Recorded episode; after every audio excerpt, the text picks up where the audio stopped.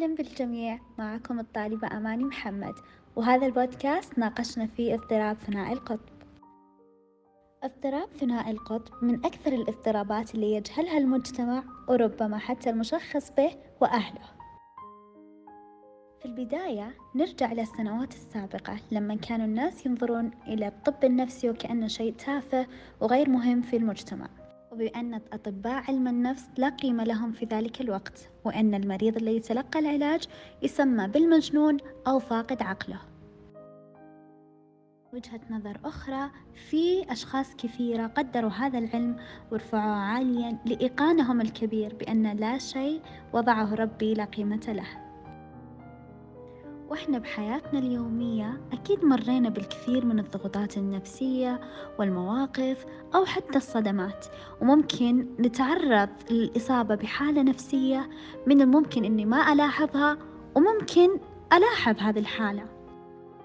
هذا الاضطراب أو الحالات النفسية ممكن تصيب أي شخص عادي ممكن شخص عادي ممكن شخص مشهور مؤثر على السوشيال ميديا آه، من أي فئة عمرية. ما في فئة عمرية محددة لهذا الحالة النفسية.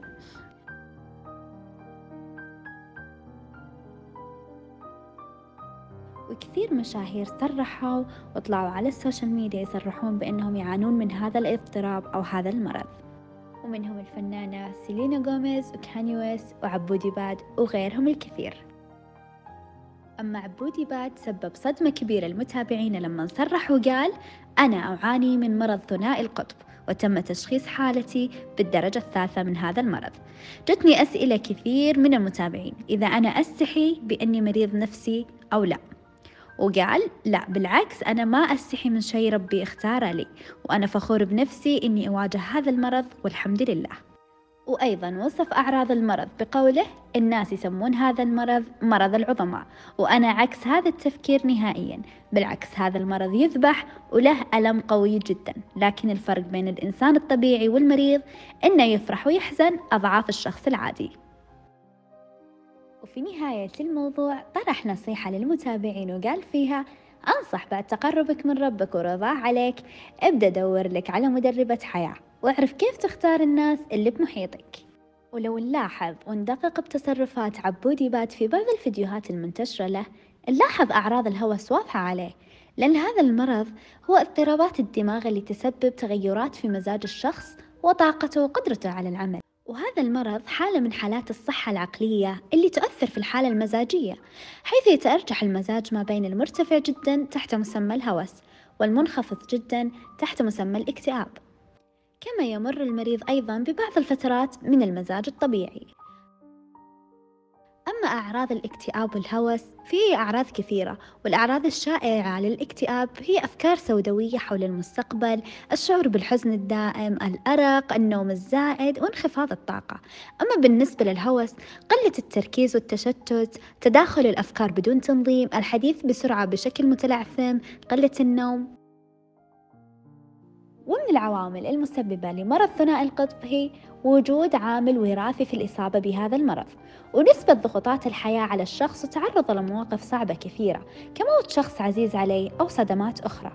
وعامل الإجهاد النفسي يلعب دور كبير في الإصابة بثنائي القطب والنوم الغير منتظم لفترات زمنية طويلة.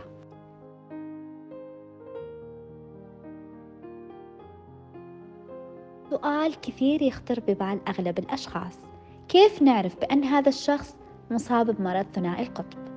علامات كثيرة ممكن تدلني على أن هذا الشخص يعاني من هذا الاضطراب مثل المزاج الرائع الهيبومانيا. ارتفاع مزاج الشخص إلى مستويات عالية من الهوس يجذب الأنظار بالتصرفات الغريبة والخارج عن المألوف. يكون هذا الشخص مزاجه شوي غريب مبسوط أكثر من اللازم حزين أكثر من اللازم وغيره. الاكتئاب. لديه نفس أعراض مرضى الاكتئاب الأحادي ولا تصلح أدوية الاكتئاب مع مرض اضطراب ثنائي القطب. الحديث المتسارع. يتحدث بسرعة ملحوظة ويقفز من فكرة لأخرى دون روابط مشتركة في الموضوع.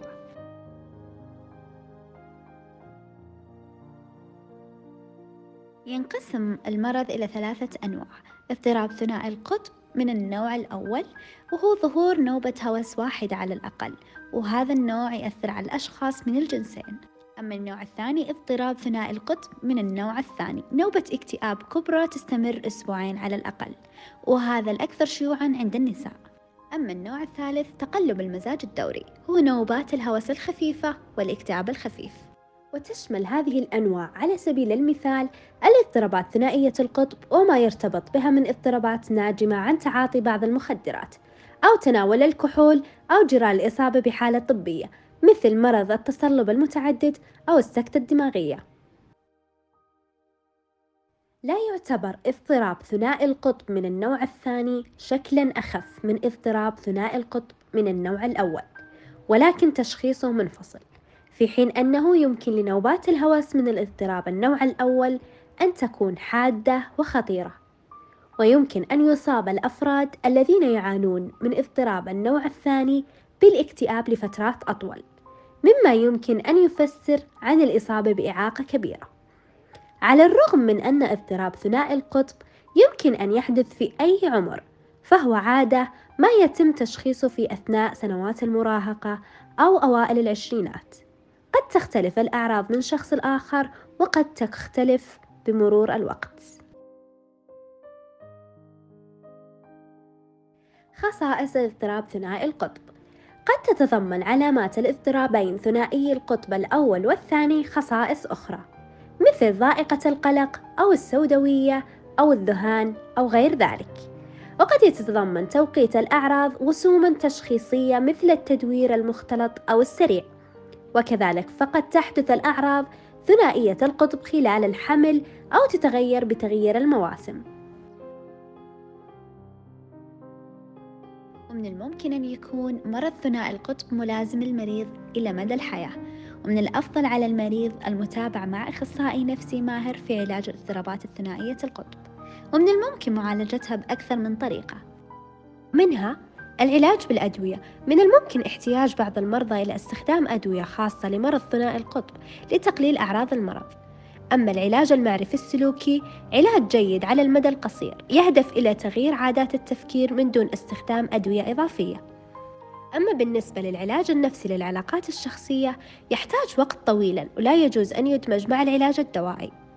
والعلاج بالرياضة والحركة هو أقوى علاج للجهاز المناعي ودمج النشاط البدني مع الروتين اليومي لمرضى اضطراب ثنائي القطب من شأنه أن يساهم في علاجهم بشكل طبيعي.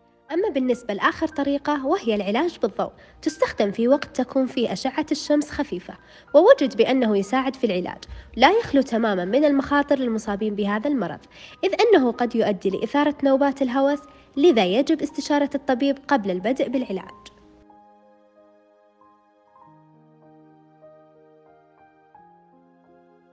كيف تحمي نفسك أثناء التعامل مع الشخص المصاب بإضطراب ثنائي القطب؟ واحد لا تفكر كثيرا أو تتعب نفسك بسبب سلوكيات المريض المتخبطة فالموضوع ليس بيده. اثنين قم بدعم المريض نفسيا وشجعه على العلاج. ثلاثة راقب المريض لأخذ أدويته بانتظام كي لا يؤثر سلبيا بتصرفاته عليك. أربعة كن على استعداد لأي سلوك يمكن أن يصدر من المريض. خمسة تخلى عن فكرة السيطرة على سلوكيات المريض فلا أحد يستطيع ذلك. ستة الابتعاد عن الأجواء السلبية بسبب سلوكيات المريض ويجب أن تخصص وقت لنفسك والقيام بالنشاطات التي تحب ممارستها. سبعة تجنب الشجار والصراخ والمشاكل الأسرية أمام المريض فهذا كله يعد تحفيزا للاضطراب ويزيد وضعه سوءا.